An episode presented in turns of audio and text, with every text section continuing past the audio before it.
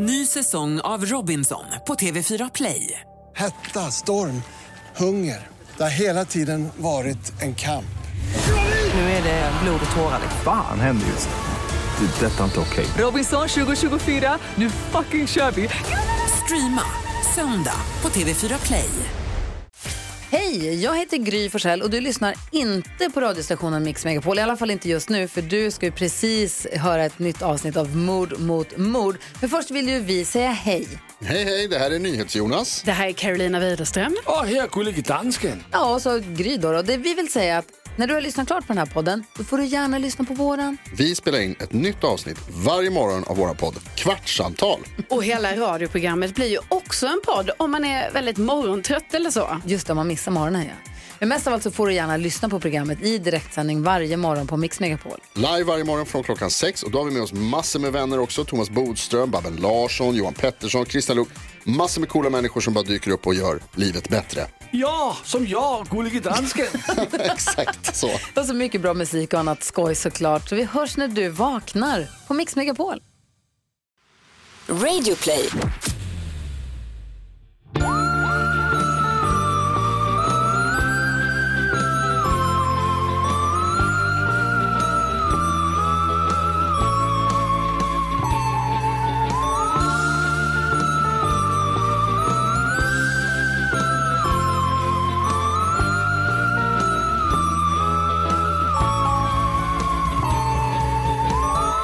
Välkomna till Mord mot mord.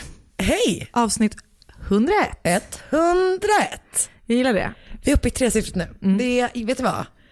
Vet du, vi är uppe i tresiffrigt här och vi är uppe i femsiffrigt i Mord mot mord podcast på Facebook. Hej! Hej! Hallå! Fan, det, det var Det många som kom in i värmen. Det var helt otroligt. Välkomna alla nya. Verkligen, vi är så glada att ni är där. Join, the, join our amazing co- community. Community och välkommen till de gamla och välkommen till de som Inte vill vara här. inte vill vara med. välkommen till er som inte lyssnar. Exakt. Ehm, ja, vi pratar om krim. Vi gör det. Ehm, hur mår du? Jag mår bra. jag mår väldigt bra. Hur mår du? Jag mår bra förutom att jag haft ett äventyr på vägen hit då. Ja, nej du, du virrade ju bort dig. Jag glömde bort hur man åker buss. Du, det är också konstigt, du skulle ju inte till något nytt ställe. Du är ju här ganska ofta. Jag vet. Och jag hade kollat, och jag hade kollat upp hur jag skulle åka. Eller när jag skulle åka snarare. Alltså jag vet ju hur. Eh, men jag visste, jag kollade upp när och sa till dig vilket tid. För jag vet om att, jag tänker att det känns skönt att veta för dig att veta när jag kommer. På ett ungefär? På ett ungefär, exakt. Jag menar det. Ja. Ett ungefär, ge och ta fem minuter. Exakt. Så känns det bra. Nej, men det bra. så glömde jag bort hur man är en vuxen person. Men du och, kom ju tio minuter efter utsatt tid. Så att du hade, det var intressant att få följa. ja, men och jag fick eh, åka, åka Voi. Och det var kallt, men blev ändå glad. det, jag tyckte typ att det var för kallt att åka Voi i oktober. Ja, nej men det, i juli tyckte jag det var för kallt. Men det här ljuset va? Nu ska jag vara lite sådär töntigt svensk. Nu är det ju mör- supermörkt ute. Ja. Men Ah, idag på dagen alltså, ja. jag måste bara ta en sekund och prata om vädret. För jag är, Kör! jag är lycklig. Men jag tror att vi pratar om vädret ganska mycket. Ofta. Nej men det påverkar mig så mycket. Jag vet, det var det första du skrev till mig i morse. Vilken dag! Vilken och då, dag? Och då trodde jag att du var på väg att säga så här, den suger så jävla mycket. Men det var inte det. Mm, Otroligt. Alltså sol. Ja. Och, och alltså, du vet, innan jag ens har gått hemifrån så var det ljust ja. i lägenheten. Det är otroligt. Ja, fan jag är riktigt, eh, riktigt happy. Happy Och det about gläder that. mig. Ja. Det gör mig så himla glad. Eh, så att det var väl det om Vad fan har du gjort i helgen? Gud vi har typ inte pratat på hela helgen. Nej jag vet. Eh, nej det har vi inte. Det är konstigt. Korrekt, det är konstigt. Jag håller med. I fredags så var jag hemma, kollade på På spåret. Kan du någonsin någonting på spåret? För jag kan absolut Jag är ingenting. ganska dålig. Det ska jag, Men jag ska vara helt ärlig, det är framförallt det, här, det här ordvitsandet jag vet. som tar mig. Jag kan ju inte, jag förstår inte. Men vet du, jag, eh, nej okej. Säg. Du, du bara, jag är ju en ordvitsare av rang. Det är jag verkligen inte. Nej men nej, jag är ganska dålig på det. Ja. Jag kan väldigt sällan vart de ska. Mm. Men du vet vart de har varit efter de har sagt det. Exakt. nej men jag är en del av följdfrågorna. Kan Just jag, för ja. där är det ju verkligen högt och lågt. Japp, Men det var jättesvårt i fredags. jag förstår. Men, jag, men Oscar är faktiskt ganska duktig. Det förvånar mig inte. Jag tror till exempel att om Oscar och min pappa skulle vara i ett lag, Åh, vilket mysigt lag. så tror jag att det skulle gå ganska bra för dem. Mm. De skulle ha svårt för de moderna musikfrågorna. Just det, vet du vad? Då slänger vi in Marcus. Ja. De är tre. De är tre i laget. Alltså de, de, eftersom de inte är li, riktigt lika bra som alla andra. Exakt. Så, så, Så har de ett handikapp, helt enkelt. Ja. ja men bra, då har vi löst det. Då ringer du. Jag- Ja. Är det, alltså, jag Är vet det Fredrik Lindström eller? är det, eller är det att Olsberg fortfarande styr från kulisserna? Just det, kanske. Mm, antagligen. Vore, det vore inte så förvånande. Verkligen. Okej, ja. Eh, och sen så i lördag så um, var jag på middag hemma hos Junkan och hans kille Andy. Shoutout till Junkan som jag vet lyssnar. Men inte shoutout till Andy. Jo, men jag tror inte han lyssnar för eh, han är från Tyskland. Så att om han lyssnar så, eh, eh, guten Så- tag. Guten, guten Tag, mein Andy. Men jag, har nej, jag, alltså jag behöver inte ens berätta. Jag har haft väldigt, väldigt lugnt och haft väldigt, väldigt skönt. Skönt. Mm. Det gläder mig. Min mormor är sjuk så jag har varit uppe hos henne Åh. både fredag, lördag, söndag med lite olika ärenden. Men också, du är ju ett duktigt barnbarn. Men jag vill, jag, jag gör det. Jag tycker det känns, eh, Ja, nej, men alltså, det är ju rätt. Ah. Så får man ju säga. Det är ju ändå hon någonstans som har satt mig till den här jorden också. Ja, jo, men det får man ge henne. Utan henne, Utan henne, ingen, annan. ingen Anna. Och därför tycker jag att vi alla borde börja springa ärenden åt din mormor. Nej men, och du har varit i Göteborg vet jag, det Jag var jättehärligt. Ja, eh, ja, det var fan kanon. Jag hade, du vet, alltså jag blir så lycklig av folk som är bra på att laga mat. Jag var, fi- grejen är, jag ska vara helt, eller nej okej, ja. Vad fick ni för något? Jag är Alltså- ju ingen fiskfantast. Ni fick någonting som var fisk. Ja, vi, åkt, eh, vi åt typ alltså, fyra rätters Ja. som eh, min, Emmas, min kompis Emma och hennes kille hade lagat. Han är ju kock liksom. Äh, Det var så jävla gott. Och vi hade köpt, alltså vi hade köpt så mycket vin. Men kan du berätta vad det var för mat? Men alltså jag minns inte för att jag hade köpt så mycket vin. Men det var så gott. Nej men det var så jävla gott. Det var havskräfta, det var eh, någon rödbetsgrej, det var eh, torsk, det var allt du kan drömma om. Mm. Eller och, även saker du inte... Ja, jag men tänker att du, hade- jag insåg att du kunde drömma mer. Var det, eh, så. Eh, ja, nej men det, vart, eh, det var jätte, jättemysigt. Det är ju sådana kvällar som gör att man bara, vad mysigt det var här Mm. i Göteborg. Sen vet jag ju om att inte alla kvällar är det. Men när man inte är på ett ställe, så när man åker ner så tänker man, i mitt huvud så pågår ju den där middagen Ja, konstant precis. Mm. i Göteborg.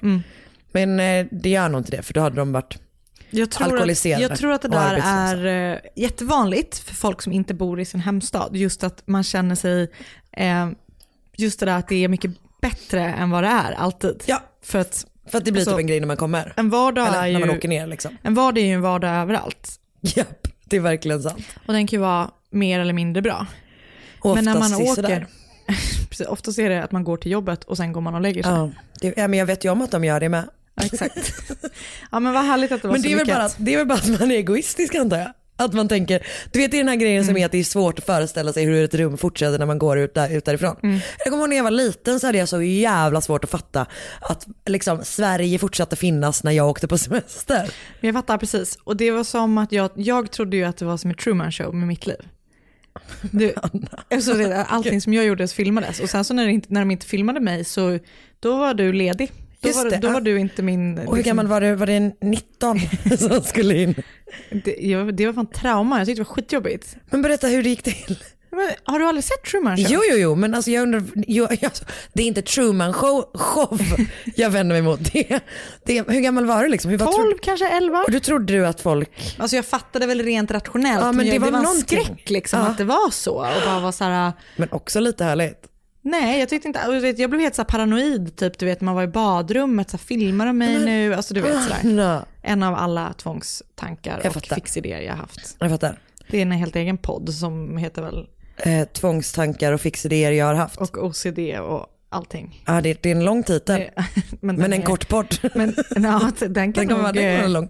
kan i alla fall vara en säsong eller något sånt där. Gud ja, alltså tresiffrigt, Jag vet inte om det blir tresiffrigt. om, om det är kortare avsnitt. Ja, jo, kanske. En i taget. Mm. Eh, ja, Okej. ja, men, fan, men, men Truman show var ju typ lite mind, mind-blowing när den kom. Eh, ja. Man bara, oh, wow. Den var ju as, jag, jag tyckte den var jättebra. Ja, det var verkligen bra. Du, eh, innan vi börjar så har jag ett poddtips Okej. som jag precis börjat lyssna på. Mm. LA Times släpper en uh, podd om Cosby. Som heter Chasing Cosby, tror jag. Eh, det har kommit fyra avsnitt och jag, har, eh, eller jag är på det fjärde nu. Eh, det är ju fruktansvärt sorgligt Ja, alltihopa. det kan jag verkligen tänka Eh, men den är, den är också jättebra. Eh, ja, Chasing Cosby heter den. LA Times-podden. Rekommendation. Bra. För att det är också, det är alltså typ ett av de starkaste introna till en eh, podd jag någonsin har hört. Okej. För att det som är med honom är ju att det är så jävla många kvinnor och det är under så jävla lång tid. Alltså det är liksom unga och gamla och liksom så här. Nej, det är vidrigt. Det är liksom från alla delar av hans karriärer och samhället och liksom allting typ. Äh, Den är, um, så jag började, alltså fick tårar i ögonen två minuter in typ. Usch. Men väldigt bra. Kan- Rekommendation. Ja, Har du någonting att rekommendera? Ehm, nej, alltså jag, har, jag gillar ju just nu att eh, liksom vara lite sådär eh, fri Okej. från att liksom följa saker. Ja. Så känner jag. Men Då hittade jag en väldigt lagom grej. En sån här riktigt, riktigt kass egentligen, deckare Ja. Härligt. på TV4 Play.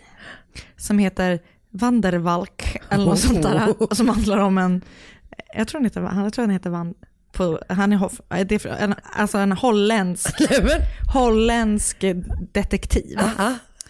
Men alla det. är, all, det utspelar sig i Amsterdam. Det, det är så tre avsnitt, ah, typ en timme och 20 minuter. Alla i hela serien är britter. Alltså det, det är så konstigt att det är en holländsk, uppenbarligen, handling. Men de är ändå bara, Men alla är britter. även Vandervalk? Ja. Okej. Men den är, den är sådär helt kravlös. Och det, det är ju som att jag kollar på Ma- Masterchef. Ja. Det, jag måste ha något som pågår. Och, nu, Exakt. och det gör verkligen det. Och eh, nu kan väl den här podden pågå Utan. en liten stund till medan vi pratar om uh, mord. Ja. Ny säsong av Robinson på TV4 Play.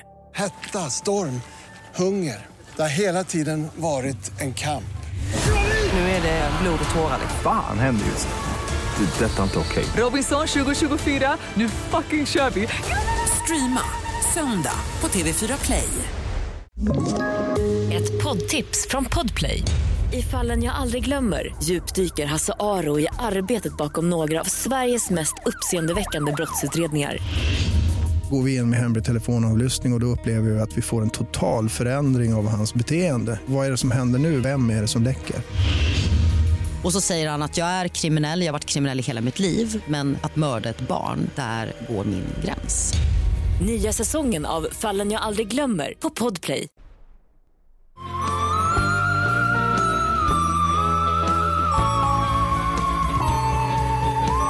Den 25 oktober 1976 föddes Kristin Rossum i Claremont, Kalifornien. Hon var eh, Ralph och Constance Rossums två, eh, ja. eh, första barn. Ja. Och hon fick ganska snabbt två småbröder. Familjen var eh, så här, en intellektuell akademiker, akademisk familj, lite så här semi-överklass, men liksom inte, inte finance överklass, utan mer akademisk överklass. De har, de har pengar men framförallt har de kulturellt kapital. Precis så. Ja. Eh, pappan är professor i political science eller någonting sånt eh, på Claremont McKenna University. Ehm, och då tänkte jag att professor kanske egentligen bara är lärare, för professor i, i Sverige är ju, Just det. men han är i alla fall undervisar på universitetet. Ah, mm, mm. Men eh, det spelar ingen roll. Det var bara för att min pappa är professor och han är väldigt noga med det där. eh, och hennes mamma arbetade eh, med, med, undervisning, eller undervisade marketing Ja. på ett annat universitet som heter Azusa Pacific University.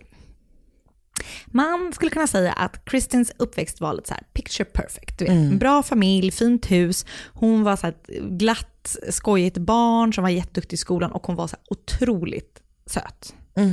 Hon var barnmodell för flera olika så varumärken och varuhus typ. Och det gick liksom bra för henne. Eh, och så. Men hon tröttnade på att modella. Så hon ville hellre syssla med ballett. Något som föräldrarna, så här, för hon var jätteduktig på det och tyckte det var jättekul. Så föräldrarna bara, ja men Kör på. pursua det liksom. Eh, så hon fick så här olika roller, i, stora roller i så mindre uppsättningar typ. Och det gick bra för henne. Och hon tränas hårt liksom. Mm. Och hon, eh, som jag tänker typ alla, eller inte alla ska jag absolut inte säga, det är inte sant. Men många som är typ i ballettvärlden blir lite så här, lite ätstörda kanske i och med att det är en sån himla hård bransch, liksom som konståkning och många sådana där. Liksom, Ja, just är- det här att vara så extremt, att, man, att hela grejen handlar om ens kropp. Exakt, Alltså det blir och det är så otroligt fysiskt också. Ja. Eh, finns ju många ställen man kan bli ätstörd, men det känns väldigt vanligt inom ballettvärlden. Hon blir i alla fall också det. Eh, vid någon träning eller liksom vid någon gång när hon dansar så la- ramlar hon och gör sig typ väldigt illa. Och eh, hon skadar sig flera ligament, hur det nu händer exakt, men hon faller väldigt illa. Men eftersom hon tycker att det är så kul, så istället för att träna rehab, så fortsätter hon att träna Ah. typ som hon har gjort innan. Vilket är ju typ det absolut sämsta man kan göra. Man kan, jag kan relatera så himla mycket till det. För att man är så här, jag vill bara fortsätta, alltså som också ätstörd kan ju också vara så här, man vill bara fortsätta träna fast man mår piss liksom. Och så hon får då istället eh, en så kronisk stressfaktur. Som gör att hon ah, till slut inte, Inte kan dansa. dansa, Nej. alls. Så hon måste sluta helt och hållet. Och det här är när hon är typ 15-16 år. Och i samma veva som det så flyttar familjen till Virginia, till eh, Hampton, Sydney, en stad där. Där pappan fick eh, jobb som chef på universitetet som har samma namn som den här staden. Där börjar hon också i en ny skola som heter St. Catherine's School, som är en flickskola upp till 12 klass, och det är väl typ high school också.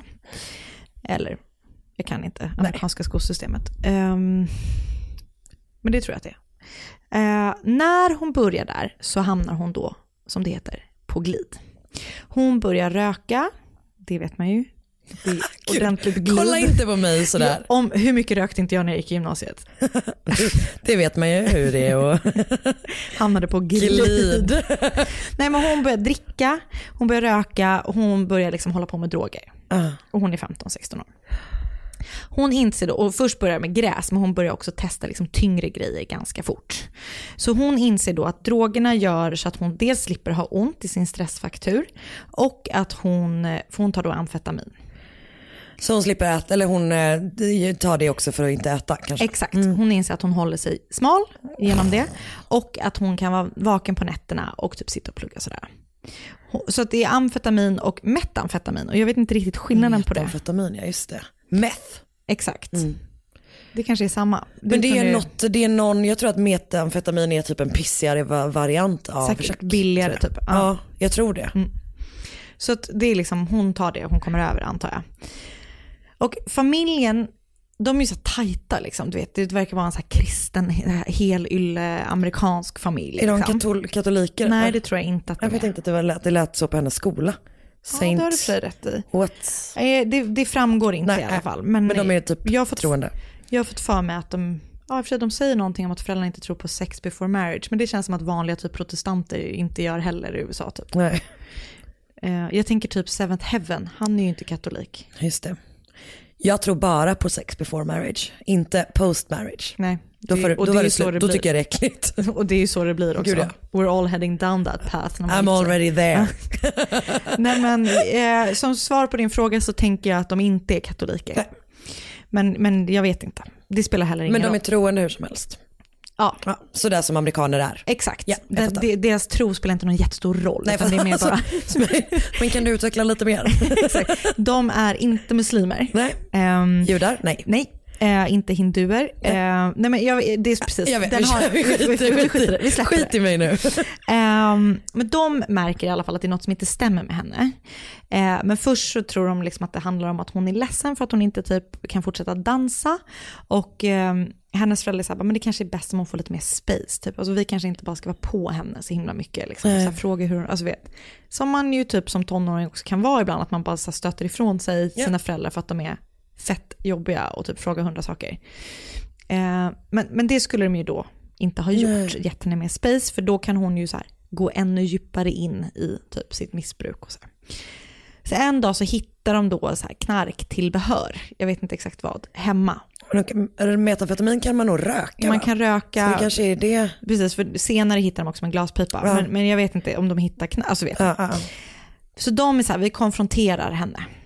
Ehm, och konfrontationen slutar typ helt vilt. För det slutar med att hon stänger in, du vet hon typ börjar så brottas typ med sin pappa, du vet, alltså det, det blir liksom så här. Det eskalerar som fan. Exakt. Ehm, så med att hon stänger in sig själv i badrummet och börjar skära sig själv. Alltså väldigt ytligt men ändå, liksom, hon, ja. Så när de väl har lugnat ner sig så bestämmer sig familjen att bara så här, okej, vi, gör ing, vi, liksom, vi, vi kontaktar ingen annan av det här, men, men vi måste hålla mer koll på dig. Att hon är liksom så här, du vet, vi ska hjälpa dig. Mer så än att de är så här, vi ska typ, eh, du ska in på rehab eller du, du vet. Så de är bara så här, men vi, vi hjälper dig. Typ. Men några dagar senare i skolan så kontaktar, nej, så får också någon av hennes lärare bara så här, det är något som inte stämmer med henne, alltså det är någonting som har förändrats. Så då, då eh, kontaktar hon eh, polisen, den här läraren. Oj, okej. Eh, eller om det är någon sån här skolpolis. För det har de ju, det har de ju typ, skolpolis. Inte sån som trafikvakts eh, skolpolis. Men då säger hon i alla fall att hon har blivit misshandlad av sina föräldrar. Oj! För att de, de ser typ att hon har blåmärken och så sår och du vet. Ah. Det inser de att det inte stämmer, men det händer ändå ingenting mera kopplat till det här. Utan det är bara så här, okej det är något som inte stämmer. Men det, folk verkar liksom inte riktigt agera på Nej. Och det är den där grejen som är så här, då att man är, det, det känns som att Vissa har så himla lätt att avskriva saker som så här tonårsbeteende. Exakt. Eller du vet så här, vi bara tar hand om det inom familjen eller att man liksom inte... Och det är precis så jag t- tänker att det är, Ja. att de inte tycker att det är så fel typ. Eller att det liksom är så här, det är ingen fara. Det snarare. kommer bli bättre om några år, Ja. typ så. Ehm, Alltså Men- ingenting händer. nej. Men ungefär ett år senare så, så tror föräldrarna att hon har liksom blivit ren igen. Då hittar de en crackpi- crack, crackpipa hemma. Eh, och då ringer de polisen. Men polisen gör heller ingen större grej av det här. Så att det är typ alltså, hon får typ en varning och sen så liksom, det är inte så att det blir någon grej av det Nej. här. Eh, ja, så föräldrarna är bara så här, okej, du måste sluta knarka. Vi, eh, nu ska du flytta till och börja på universitetet och få en ny start och vi ska hjälpa dig. Så hon börjar på University of Redlands i Los Angeles. Okej men familjen är kvar i Virginia? Ja, men de håller väldigt nära koll, koll nära koll. Mm. Och det, jag vet inte exakt hur det funkar, men hon håller sig borta. Pappan går med henne på typ AA-möten eh, och hon sköter sig i skolan och liksom håller sig borta från droger. Och så här. Allting verkar på banan. På banan, verkligen. Hur föräldrarna gör det rent eh, praktiskt, det får du ställa upp på din, sätta på din eh, eh, frå, frågelista tillsammans med religionsfrågan, så tar vi det sen. Eller så tar vi inte det. Eh, nej men, så allting går liksom toppen. Så efter ett år ungefär så bestämmer sig föräldrarna så här, okej men nu kan du nog få bo i en korridor, i ett eget rum. Utan att liksom, någon vaktar dig typ. Eh, för hon har väl liksom bott hund på något sätt. Så det här är år 1994 och Kristina är alltså 18 år gammal. Okej. Men då ganska snabbt efter hon har flyttat till den här korridoren så faller hon då dit igen. Och det dröjer inte länge innan hon börjar använda sig av crystal meth. Eh, och det är ju då metamfetamin tror jag. Just det. Som man ko- kokar. Ja, jag vet, Vi vet inte. Jag vet ingenting. Nej, vi vet inte.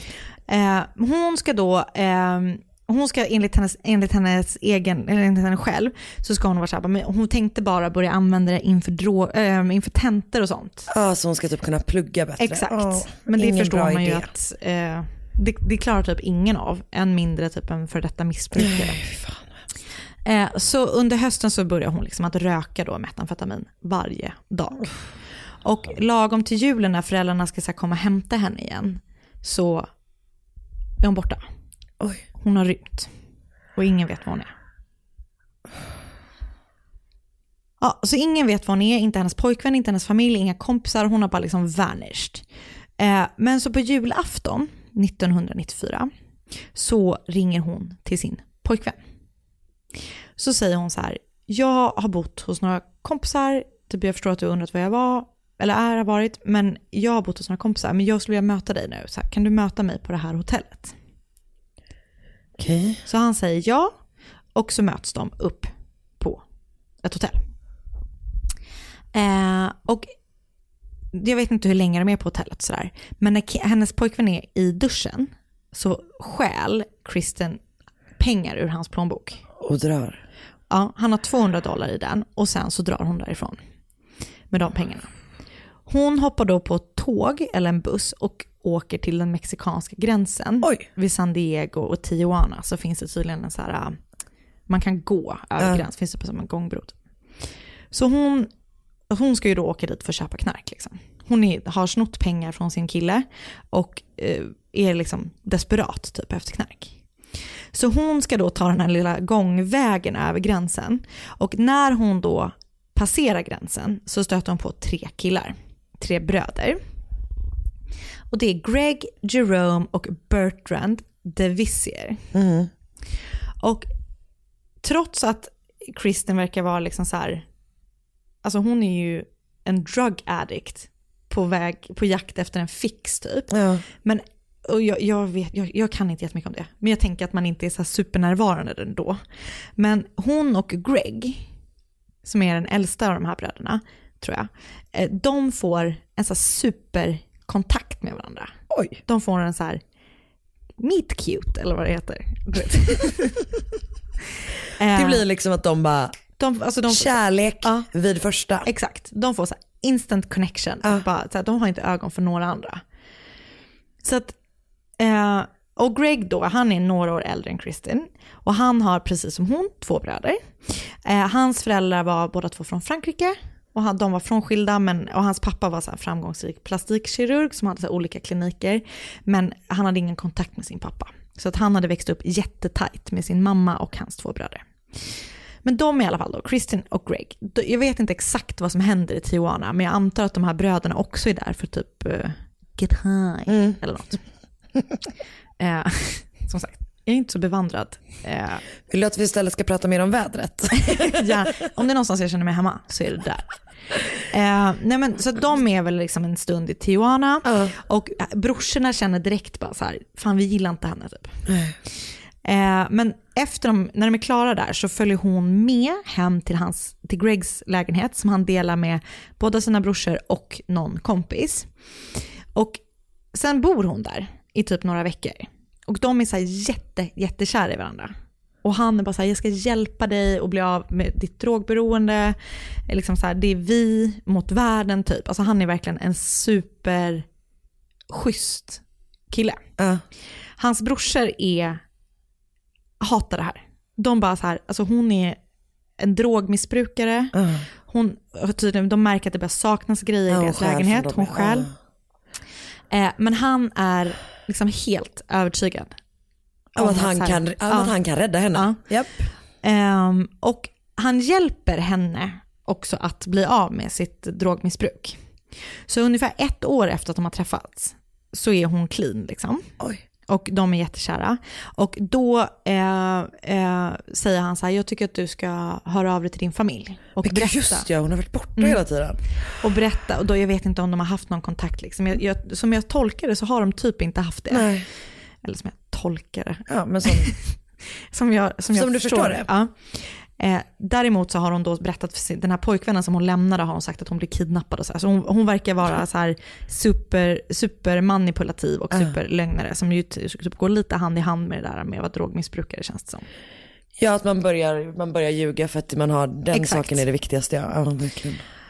Men så hon berättar i alla fall allt. Hon ringer sin mamma och pappa och berättar att hon har träffat Greg som är fantastisk, att han hjälpt henne att bli ren, att de bor ihop. Det är därför jag vet att de är, inte gillar premarital sex. För, Ah, att, för att eh, de inte vill att hon ska bo med sin kille. Nej, men trots det så är de så här, fantastiskt. Du är tillbaka på rätt, rätt bana i livet. Vi, eh, vill, vi hjälper dig och Greg, ni vi hjälper dig att hitta, er att hitta en lägenhet. Ni får gärna bo ihop fastän de inte tycker om det. Eh, och liksom så här, vi ska se till att du kommer in på du vet, ett bra universitet. Vi ska se till att allting blir bra. Så att hon hamnar på liksom rätt bana igen och börjar plugga igen. Så hon är, blir, hon är en duktig hon har liksom alltid varit bra i skolan. Hon fortsätter vara bra i skolan. Hon får jättebra betyg. Eh, och eh, efter något år eller några år så tar hon examen som eh, i toxi toxikologi med alltså absoluta Spännande. toppbetyg. Hon fick någon sån, jag, jag googlade vad det hette, jag kommer inte ihåg vad det hette nu, men det var någon term som var så här honorable, Just det, ja, bla, bla, bla. su- super, supersmart person-pris. Exakt. Eh, och någon gång liksom in, under, halvvägs in typ i sin utbildning så får hon, söker hon ett jobb som labbassistent. Som hon får. Och eftersom det här är genom skolan så gör de ingen bakgrundskoll på henne. Och jobbet som hon får är nej. på en så här rättsmedicinsk, eh, Nej. rättsmedicinsk klinik. typ. Typ. Eh, och där hanterar hon droger. droger. Alltså hon typ bokloggar Åh nej! eh, loggar droger som de Som får in. Och typ så, här. så att hon liksom hanterar typ bevismaterial i, i, i princip. Men mycket av det är då droger. Och det här är ju inte bra för en nykter missbrukare. Så hon står emot till en början och liksom tar ingenting. Men det, hon märker att det är lätt att smuggla undan.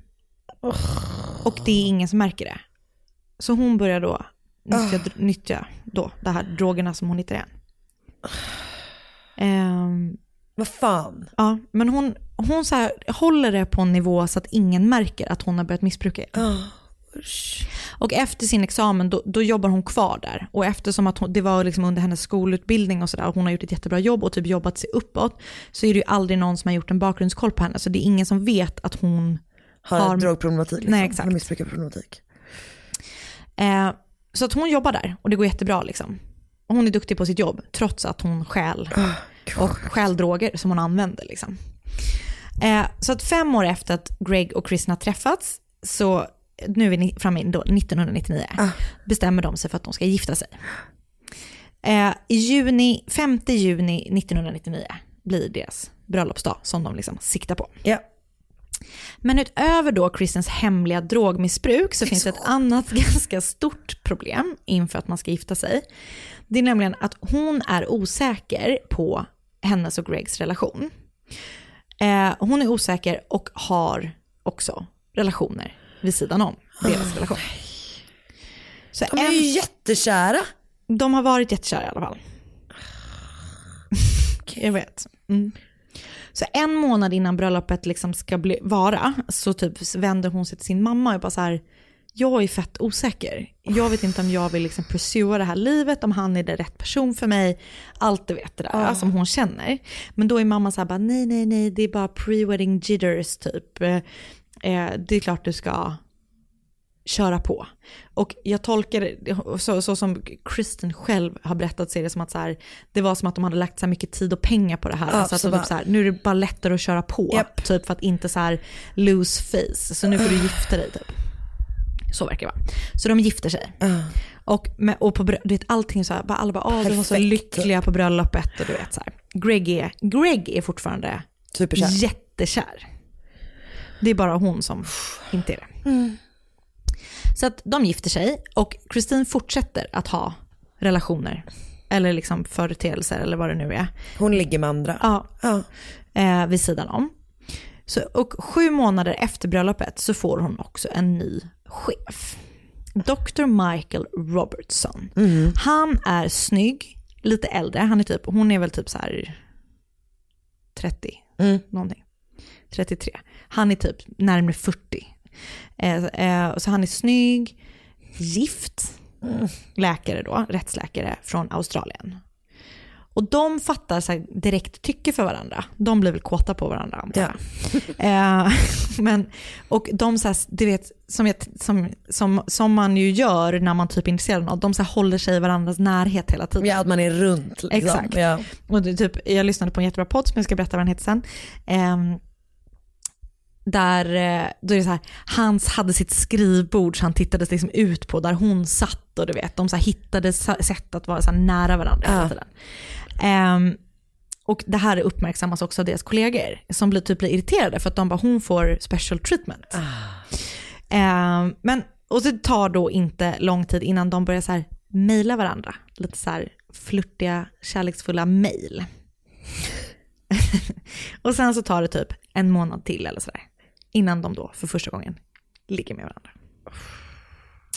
Och efter det så börjar de också skicka lappar till varandra. Alltså de fortsätter så här mejla, bara, hon skriver typ så här, jag vill att du ska bli, hon blir jättekär i honom. Och han blir också jätteintresserad av henne. Han har också haft andra relationer utöver sin fru. Jag fattar inte hur folk orkar hålla på med så mycket jag vet. affär. Nej jag vet. Jag fattar inte hur man orkar det. Och hur man hinner. Ja, typ men de har ju karriärer. Ja. Det är så jävla konstigt. Ja, jag vet. Eh, ja, men så att de, hon är typ såhär, jag vill att du ska bli far till mitt, våra barn, du vet, bla bla bla bla. Så, här. så de skickar mail, de skickar lappar och sånt där. Och så köper de så små presenter till varandra som de gömmer. Och så börjar de med en grej som jag tycker är, här, är töntig. Vad är det nu? Eh, de köper rosor till varandra i olika färger. Och du vet så här, färgkombinationer så brett skriver de så här, det är så här poetiska typ texter om vad så här, det här var de vet så här, gul är vänskapsfärgen. Just det. Fast kanske mer romantiskt. Ja. Gul är... Du får en gul ros idag för att du är en Du är god min vän. kompis. Så jävla töntigt. Ja, fy fan. Eh, hon är typ som helt besatt av honom. Av Michael. Mm. Och är helt över Greg. Och Michael, även han då, är liksom väldigt committad till Kristen. Så de är liksom verkligen De är supercommittade förutom att de är gifta. på gifta med andra personer. Mm. Mm.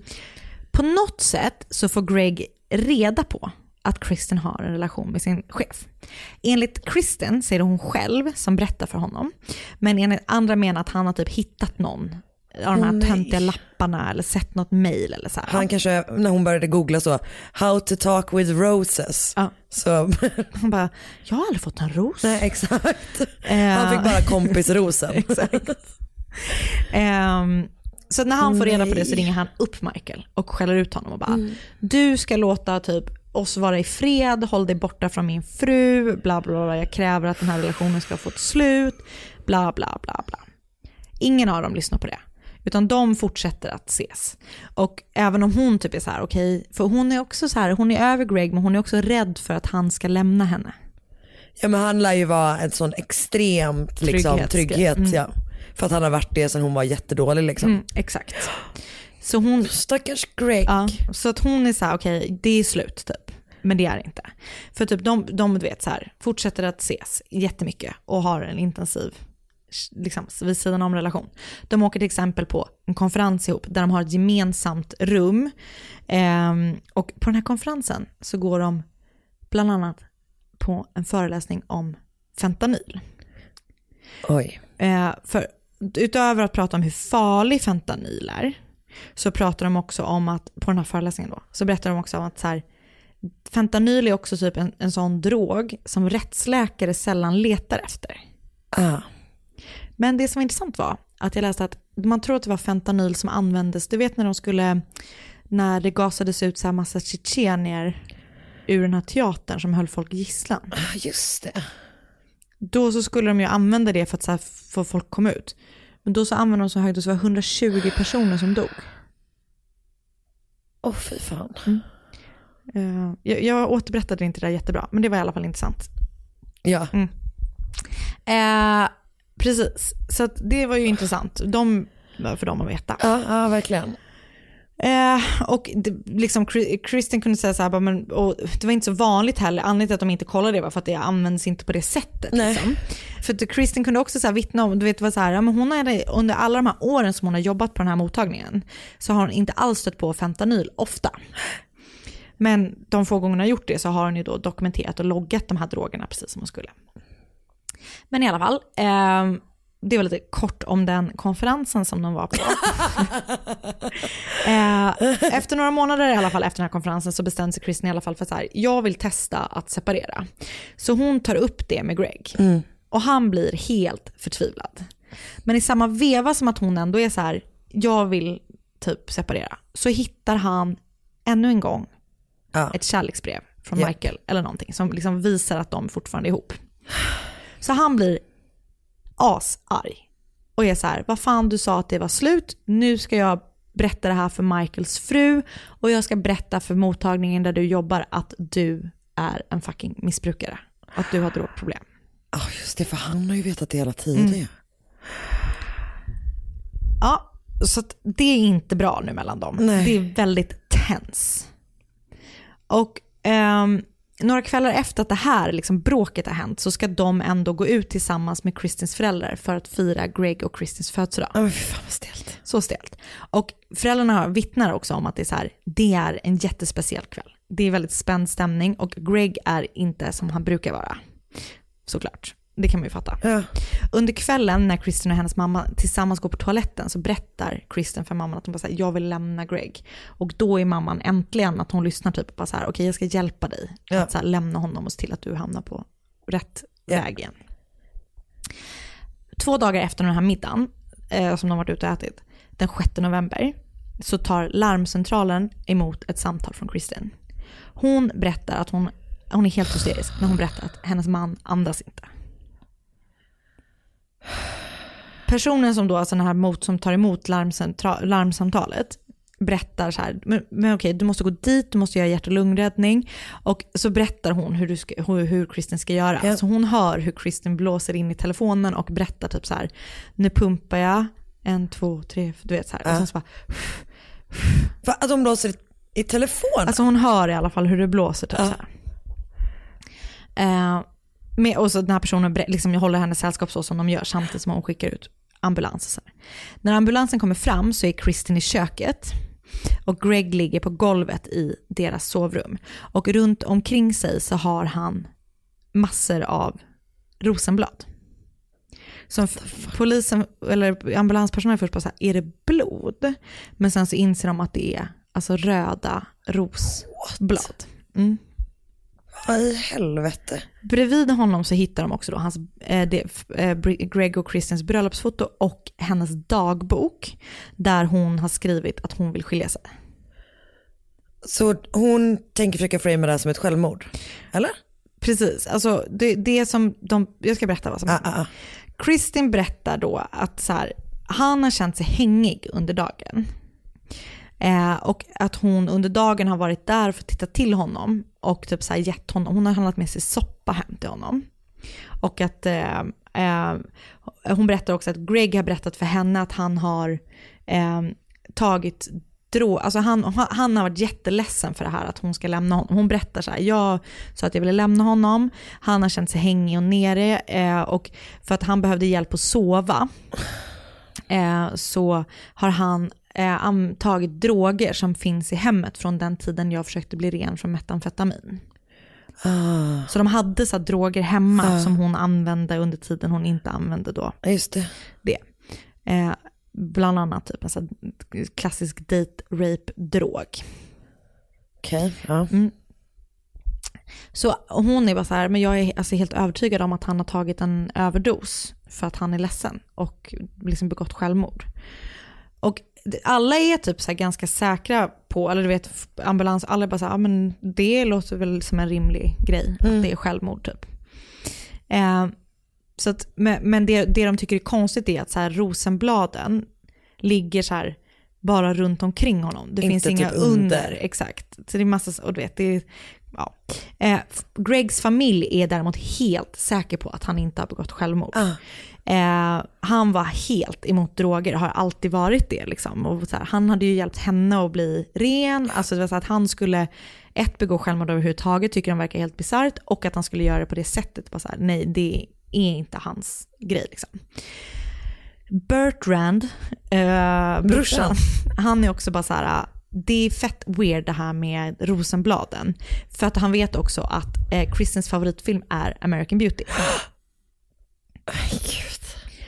Eh, så med tjat då från Gregs, Gregs familj, Familj. så sätter polisen igång en utredning liksom Ah. ordentligt. Och bara, okej, vi kan inte bara säga direkt att det här var självmord. Eh, den här utredningen pågår i åtta månader. Men det visar sig då ganska direkt efter hans död att eh, Kristen har donerat flera av hans stora organ som är så vätskefyllda som man kan då göra tester på, typ ögon, Ah. allt vad det nu är. Så att eh, hon har donerat det till transplantation, typ direkt efter att han Ah. har dött. Så att folk, eller folk, polisen kan inte... Man kan inte testa man dem för de är testa i andra personer. Exakt. Men det finns ett labb då som tycker men vi har nog tillräckligt mycket för att ändå göra koll på det här. Liksom. Eh, och då visar det sig att Greg har en sjukt hög dos fentanyl i kroppen. Han har 57 nanogram i kroppen, vilket är sju gånger mer än vad en dödlig dos av fentanyl är. Eh, och det i sig betyder ju för sig inte att han begick självmord, alltså bara det att det är fentanyl, alltså han kan väl liksom i princip ha tagit fentanyl. Ja, gud ja. Ehm, även om liksom de är så här, ja det, är weird sätt, liksom. ja. Ja. Det de däremot vet är att den här dosen som han har, hade han inte kunnat ta, alltså hade, eller så här, Han hade tuppat av innan. han hade dött liksom direkt, så hade han tagit den så hade de hittat liksom det han hade tagit drogen ur. Just det. Ja, Så de bara, okej, han kan inte ha fått i sig hela den här dosen på egen hand. Ehm, och man kunde också se att han hade så vätska i sina lungor, eh, vilket betydde på att han hade varit medvetslös i 6-12 timmar innan han faktiskt dog. Även hans kissblåsa var så proppfull av urin, vilket också liksom så här, tydde på att han hade varit medvetslös under en väldigt lång tid. Vilket då betyder att så här, han kan inte typ ha varit vaken mitt under dagen och ätit soppa med sin fru. Nej, nej, nej. nej. Kristin och Michael har då båda blivit avstängda från sina jobb på grund av sin relation. Just det. Eh, och när polisen liksom då börjar ändå så se, bara det är konstigt det här med Gregs död, så börjar de också så kolla närmre på eh, Kristin och Michaels relation. Och då upptäcker de att så här, det saknas droger från kontoret, från det rum där de liksom loggas, som både Kristin och Michael har tillgång till. Ja. Det var någonstans stod att det var bara han som hade nyckeln dit, men, men det vet jag inte. Nej. Men det saknas, det saknas metamfetamin då som hon antagligen har snott till sig själv. Men det saknas också 15 fentanylplåster och en liten ampull i pulverform. Och alla de här liksom, plåstren och all fentanyl var från fall som Kristin hade arbetat med. Så att, eh, ja, så, så att innan de så här, man tror då att hon har under dagen, för hon har varit hemma och kommit och gått och så här. Och man tror då att hon under dagen har åkt hem och satt så plåster på honom. Löpande typ. Ja. Så att liksom så här hela tiden en dos. De hittar också ett litet, litet injiceringshål i armvecket. Så att de tror då att hon, ja, att hon på något vis har gjort honom medvetslös och sen fortsatt liksom bara pumpa honom med, med fentanyl liksom under dagen. Men innan de då visar upp alla de här liksom konstigheterna för Kristin så är man så här, men vi, vi, vi vill höra vad hon säger igen. Liksom. Och hon står fast vid sin story. Så här. Han var krasslig under dagen, jag var hemma, han var vaken, vi har ätit soppa ihop och jag är helt säker på att han har begått självmord för att han var helt förtvivlad för att jag skulle lämna eh, honom. Ja, så att det finns ju inga så här direkta bevis. Alltså det finns ju ingen som har sett dem göra Nej. det. Och det så här. Men det finns ju otroligt starka indicier som pekar på att det i alla fall är Kristen som har dödat sin man. Ehm, och Michael, han blir av med sitt jobb. Båda blir av med sina jobb på grund av det här. Så han får inte vara kvar i USA heller. Såklart, så han flyttar under tiden eh, utredningen pågår, flyttar han tillbaka till Australien.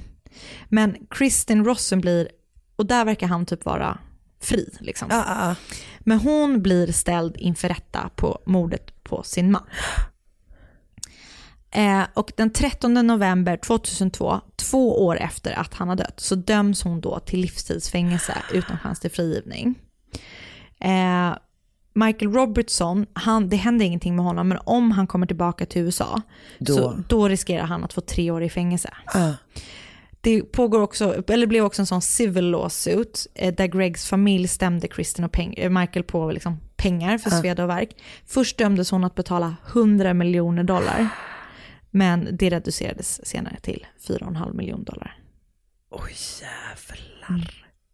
Så, Men och med honom, med, med Michael, ja, så måste det ändå vara svårt att veta, det måste vara jävligt svårt att bevisa han att gjort. han faktiskt har varit inne, alltså att det inte bara är att hon har agerat på egen hand liksom. Men jag tycker jättesynd om det är så jävla sorgligt. Att han bara var så här: jag ska hjälpa dig. Och att han liksom var så himla kär i henne och hon bara utnyttjade honom.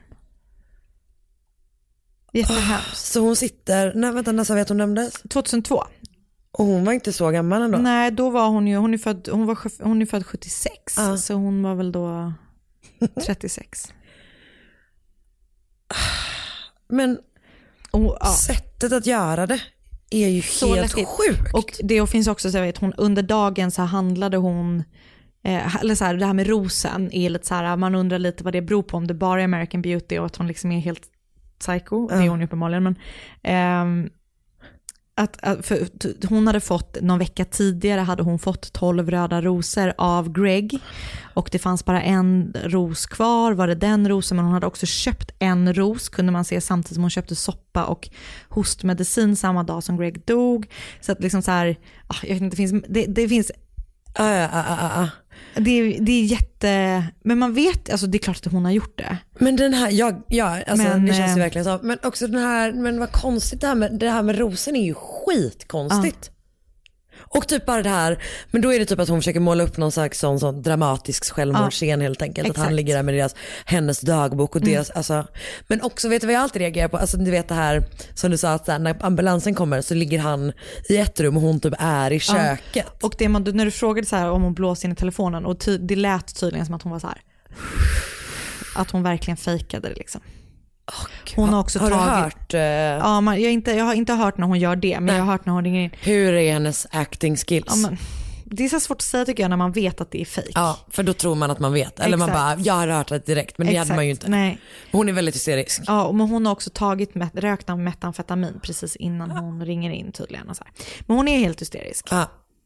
Men ja, det, Aj, jag, jag lyssnar på en, en jättebra podd om det här som heter Minds of Madness, säsong, inte säsong, avsnitt 33, del 1 och 2. Och sen så såg jag ett avsnitt av något som heter Snapped, säsong 1, avsnitt 11. Inte så bra. eh, och sen så såklart fanns det, det var en jättebra, Murderpedia hade massor. Och Wikipedia såklart. Jävlar Anna. Ja, det blir lite rörigt kände jag nu när jag berättade det. här, Men lyssna på podden. Lyssna, lyssna på Minds of Madness. För även om vår podd är bra så är det- var den jätte, jättebra. tack så jätte, jag tyckte det var jättebra. Ja, tack. Tack. Ny säsong av Robinson på TV4 Play. Hetta, storm, hunger. Det har hela tiden varit en kamp. Nu är det blod och tårar. Fan händer just det. Det är detta inte okej. Robinson 2024, nu fucking kör vi! Streama söndag på TV4 Play.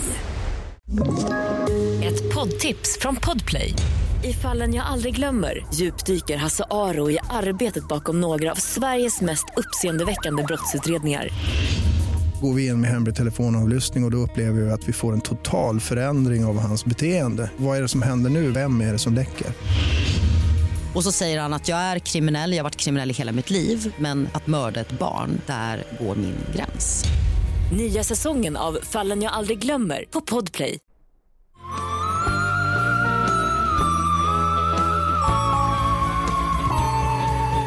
Rullar vi! Rullar vi. Andra halvlek. Känner mig sugen på att berätta en överlevarhistoria. Jag, vet du, jag tänkte göra det. Nej. Ja. Men jag gjorde inte det. så Nej, nej det var ju bra. Eller, eller, eller. Det hade varit härligt med två av... Det, var, det hade faktiskt varit Mm. jävligt härligt.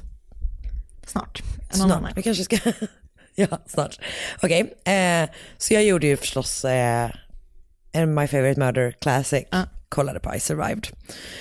Och jag började leta igenom du vet, massa olika listor på typ så här de starkaste historierna från I Survived och sådär. Och eh, det finns ju så himla många, alltså det, Mm. Det finns det är helt stört vad folk har varit med om typ. Men till slut fastnade jag för en, historien om Saye Rivas far. Och jag tänkte då, berätta den för dig Härligt. samt övriga inblandade. Saye föddes i oktober 79 och fram tills hon var fem år gammal så bodde hon med, eh, med hon och hennes två år yngre syster Sa, eh, Sarah och hennes fyra år yngre bror Arash tillsammans med sina, båda sina föräldrar Patricia och Ahmad i Pensacola, Florida. Men 85 så bestämmer sig de då för att skilja sig och det finns oro från både myndigheterna och från Ahmad eh, kring Patricias föräldraskap, om man säger så. Hennes förmåga att försörja och ta hand om sina barn. Ehm, och han försöker typ få vårdnaden tror jag, men den hamnar till slut hos henne i alla fall. Eh, åtminstone så ska de bo där större delen av tiden. Mm. Patricia var liksom ingen stabil person. Eh, och heller ingen särskilt bra mamma. Hon hade delvis hade hon problem med alkohol och droger. Men hon var också våldsam mot sina barn och liksom så här använde både, ja, men hon, både psykiskt och Mm. fysiskt misshandlade dem. Och hon tog också liksom väldigt, ofta väldigt, eller hon tog väldigt lite ansvar för dem också. Alltså hon var ofta typ ute och söp och de fick typ så klara sig själva liksom. Och då var ju Sayeh som liksom var äldsta barnet var ju så här, hon tog ju väldigt, Mm. väldigt mycket ansvar för sina småsyskon. Eh, de flyttar också runt så här, mellan olika hus väldigt mycket. Patricia har ofta problem med polisen. Alltså det är liksom, det är ingen bra situation för tre små barn typ. Hon dejtar också riktigt vidriga män. Och de flesta har ju liksom samma typ av problem som hon har. Och är liksom en del av den här riktigt, ja men ing, det är ingen bra situation Nej. helt enkelt. Och en av de här männen heter Raymond eller Ray Wyke. De började dejta 87, så när jag ser alltså är sju år gammal. Han var liksom en sån ruffig, sliten, blond snubbe med dålig hållning. Fattar precis. Ja, i 30-årsåldern. Han var en extremt vidrig person. Ja. För under tiden som han hade en relation med Patricia så började han alltså våldta Sayeh. Nej. Och du vet han tvingar henne att, här, att, att lova att inte berätta för någon. Alltså, och han bara om du gör det så kommer jag liksom, det kommer inte bli bra för din familj. Ah, fan. Ja, Jag vet, det är så jävla hemskt. Alltså hon är så liten, det är så jävla vidrigt. Och det, den här historien kommer vara fruktansvärd utifrån eh, våld mot barn perspektivet. Ja. Men i mitten av 88 så dumpar Patricia till slut Ray och syskonen kan liksom så här äntligen andas ut, tror de. För den 21 september 88 är Sayeh alltså åtta år gammal. Det är en onsdag, så det är liksom en vanlig skoldag dagen efter. Men Patricia är inte hemma med sina barn utan hon är liksom ute och dricker. Och istället så passar hennes nya pojkvän barnen. Eh, men jag tror att de framförallt passar sig själva, eller att säga typ passar sina småsyskon. Så Sarah och Sayeh delar ett, ett sovrum och de går och lägger sig vid åtta. Och då har de på sig kläderna som de ska ha dagen efter till skolan. Eh, och det här tycker jag verkligen är så här, det här är så heartbreaking för det är en sån barnslig lösning på ett, en situation där man inte har någon hjälp och stöd av vuxna. De brukar göra så för att de, ibland så vaknar de sent och då missar de skolbussen. Usch. Så då har hon liksom, så då har de kommit på att så, ja, men om vi sover med kläderna så, så, så går det snabbare på morgonen. Och det är verkligen, förstår du vad jag menar? Typ att det är så en barnlösning på någonting vad som vuxna borde sorgligt. hjälpa en med. Jag vet, det är sorgligt. Men medan syskonen sover får Patricias nya pojkvän ett samtal. Eh, Ray Wikes är på samma bar som Patricia och låter henne liksom inte vara. Han bråkar med henne typ. Så den här nya pojkvännen lämnar då huset för att åka dit och typ så här, ja, bra skälla ut. Ray liksom. Exakt. Men när han kommer fram så är Ray inte längre där. Nej. För Ray är då på väg till huset där syskonen eh, ligger och Jag sover. orkar inte. Och Jag kommer gå nu. Okej. Eh, för det här, det kommer bli jätte, jättehemskt. Alltså en fruktansvärd natt. Eh, så jag vaknar eh, ett par timmar efter att hon har somnat. Någon gång mellan midnatt och klockan ett. Närmare ett tror jag det. Av att någon bär henne. Och hon tittar upp och liksom ser att det är Ray. Han har då Paniken. brutit upp en bakdörr med en kofot typ. Och nu bär han ut och henne till sin, till sin gröna Dodge. Han lägger henne i bilen, låser, låser dörren och går in igen och sen när han, när han kommer ut så bär han på eh, Sarah. Och lägger henne i bilen också. Och sen kör han iväg med de här systrarna och de är så här, de bara, vad ska vi göra? Typ, han bara, vi ska träffa er mamma. Men han kör dem ut i skogen. På liksom en så här isolerad dirt road. Vilket är det typ en grusväg? Jag gissar det. Ja. Och han stannar en bit ut i skogen, han öppnar dörren, bakdörren vid Sarah och sen binder han ihop, alltså han binder hennes armar och hennes fötter. Eh, och Sarah gråter och bara, så vad är det som händer? Han typ bara skiter i henne liksom. Så istället så går han runt bilen till Sayes sida och drar ut henne.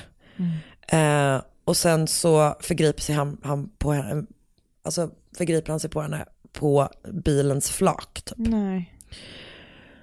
Och eh, hon säger typ att så här, jag börjar känna mig bortomnad, typ. jag vet inte hur länge det pågick för att jag liksom, alltså, du vet, man, det är som att mm, man inte är där typ.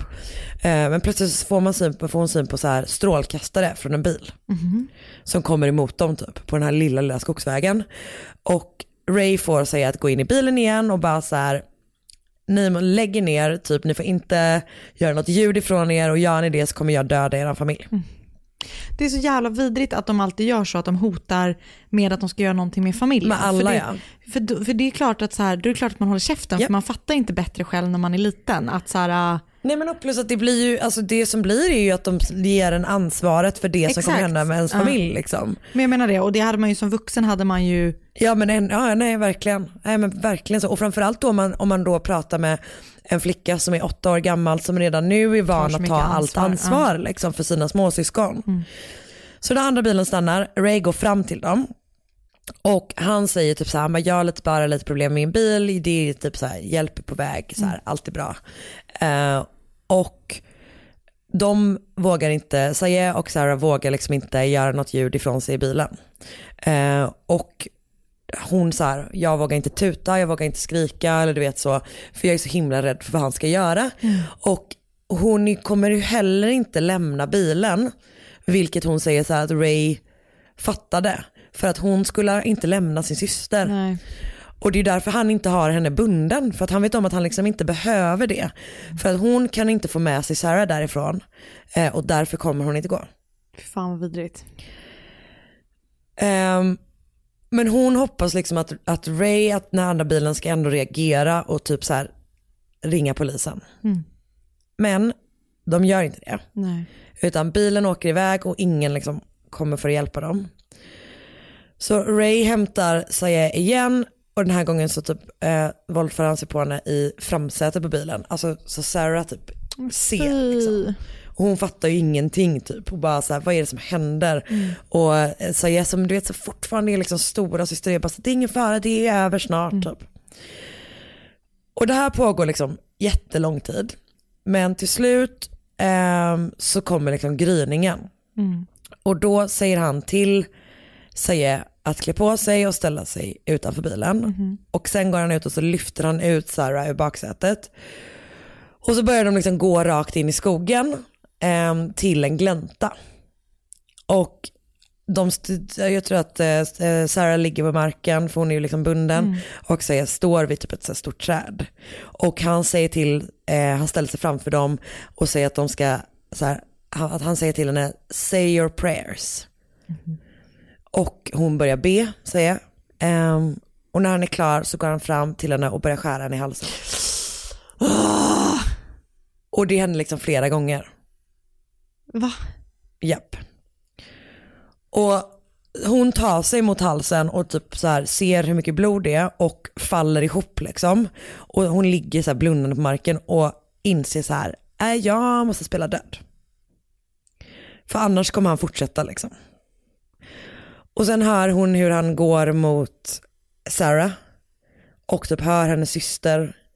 Eh, och så här, känner, eller du vet hur hon liksom slåss och sen så märker hon hur hon Nej. inte gör det längre. Och hon ligger kvar på marken eh, tills Ray, alltså typ så här, hon hör honom typ springa iväg. Hon ligger kvar till att hon hör honom köra iväg med bilen. Fy fan. Så han lämnar liksom då två små, små barn i en skogsdunge för att dö liksom. Mm.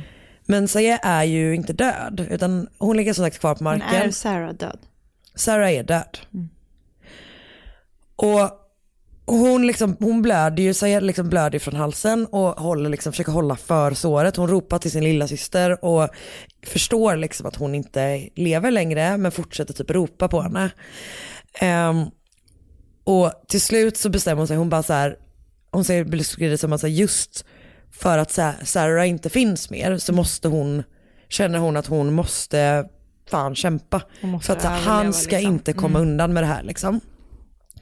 Så hon börjar alltså gå ut, alltså gå genom skogen tillbaka för att ta sig ut tillbaka på vägen och håller liksom händerna över sin hals för att minska blödningen. Det är liksom, alltså så här, det är så jävla mardröm att det är så här, det är en åttaårig flicka Nej, som alltså- går på typ en så här skogsväg. Men alltså jag är helt i chock. Att, jag trodde liksom att man skar sig i halsen, att det liksom gick jättefort då. Ja, jag vet. Vi, vi Ja. kommer till det sen. Ehm, så hon går liksom där och, och som tur är så kommer en bil med ett par som stannar och det här är ju liksom, det är ju innan mobiltelefoner och så, så de typ kör till en affär och ringer på en ambulans liksom. Det är så stört.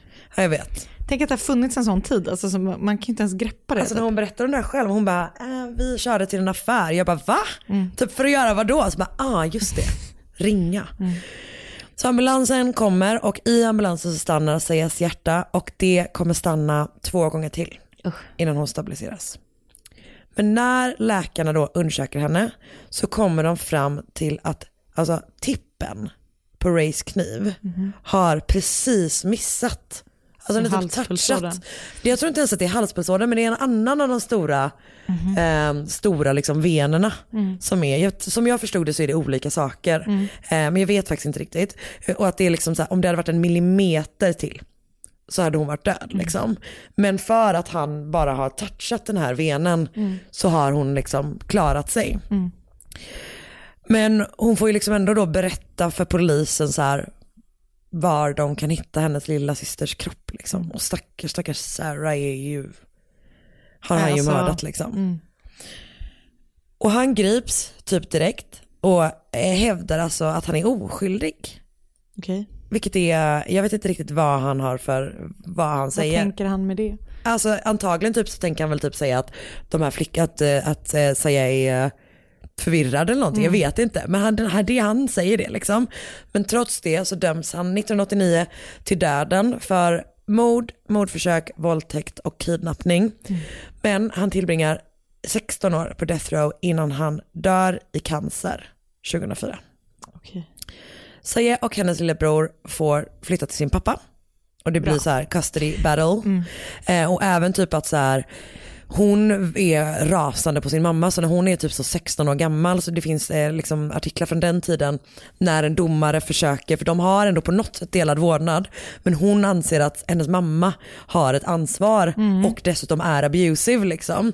Så att hon är typ så här, går ut och säger så här att hon bara, det spelar ingen roll, jo för då är det att en domare bestämmer att hon ska tillbringa sommaren i Florida med sin mamma och hon är så här, hon bara, Nej, nej. jag, jag, alltså, då kommer jag gå emot court orders liksom. Så 16 år gammal typ och bara fuck Ja, men det. för man blir, så- jag tänkte på det när hon då skulle så här, ge- bege sig därifrån, den här hemska skogsdungen och leta efter hjälp. Att man bara, inte ens när hon kommer hem Nej. så har hon en så här loving mamma. Nej. Och alltså så här, det är så jävla vidrigt. Jag vet, det är verkligen, verkligen fruktansvärt hemskt. Eh, men det hon har är då sin pappa. Och de flyttar till honom i New York. Eh, och där växer, han upp, växer de upp liksom tillsammans med hans fru och de får ytterligare fyra döttrar tillsammans. Typ, så de är liksom en så här Stor familj. stor familj. Eh, och hon är idag 40 år gammal tror jag och eh, har egna barn. Hon är utredare hos New York-polisen. Ah, cool. Mm. Och både hon och hennes pappa är engagerade i olika organisationer för brottsoffer typ. Eh, och bland annat så har de arrangerat Sarahs Race, eh, ett lopp där intäkterna bland annat går till att hjälpa till i så här, fall där barn har försvunnit typ. Så de har gjort liksom jättemycket tillsammans typ och även ehm, ja men var för sig också typ och hon är ute och föreläser jättemycket. Och hon själv gillar typ inte te- term, termen så här survivor eller liksom överlevare Nej. utan hon eh, vill bli kallad för fighter. Cool. Yeah. Och ja, alltså det är ju inte som att man, är- alltså att man inte är en fighter om man Nej, nej. liksom dör på, av, på grund av en annan människas vidriga, vidriga handlingar. Men jag tänker att man ändå vill, jag vill ändå säga vad hon själv, hur hon själv vill benämnas och det är fighter. Fan vad sjukt, fy fan vad hemskt alltså. Och utöver det här i Survivor-avsnittet så har jag fått info från wheretv.com. En artikel med rubriken Call her a fighter, not a survivor. Local sexual abuse victim speaks out av Hannah McKenzie. Och från en sajt som heter Surviving Parents Coalitions. Eh, deras informationssida om Sayes pappa. Eh, och typ allting som han gör liksom. Så att han är med i massa olika sådana organisationer typ. Och bilden där är typ hon i sin så här, eh, polis, alltså sin uniform och han, de har typ liksom en, så här, en bild tillsammans där hon, där de även har med Sarahs bild typ. Så det där var mordet på Sarah och eh, Sayes överlevarhistoria eller fighterhistoria. Eh, som hon liksom så här, det är ju det som är så jävla sjukt med I survived som format.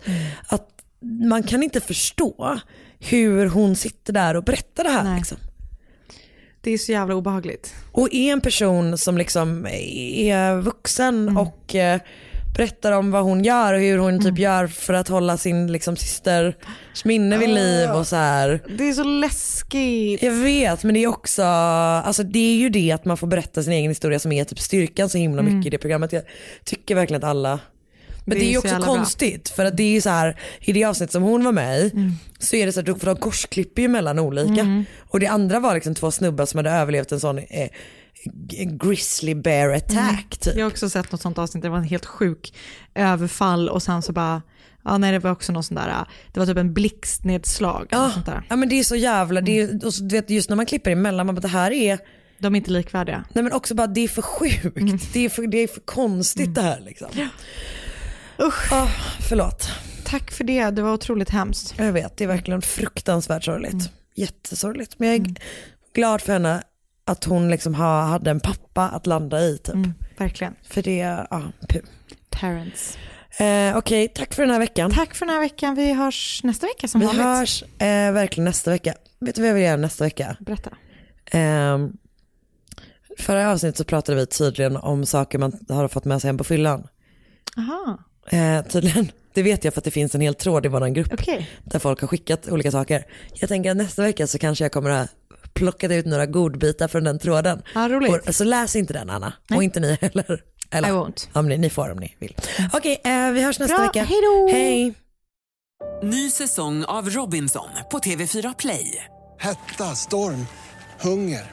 Det har hela tiden varit en kamp. Nu är det blod och tårar. Fan händer just det. Det är detta inte okej. Robinson 2024, nu fucking kör vi! Streama söndag på TV4 Play.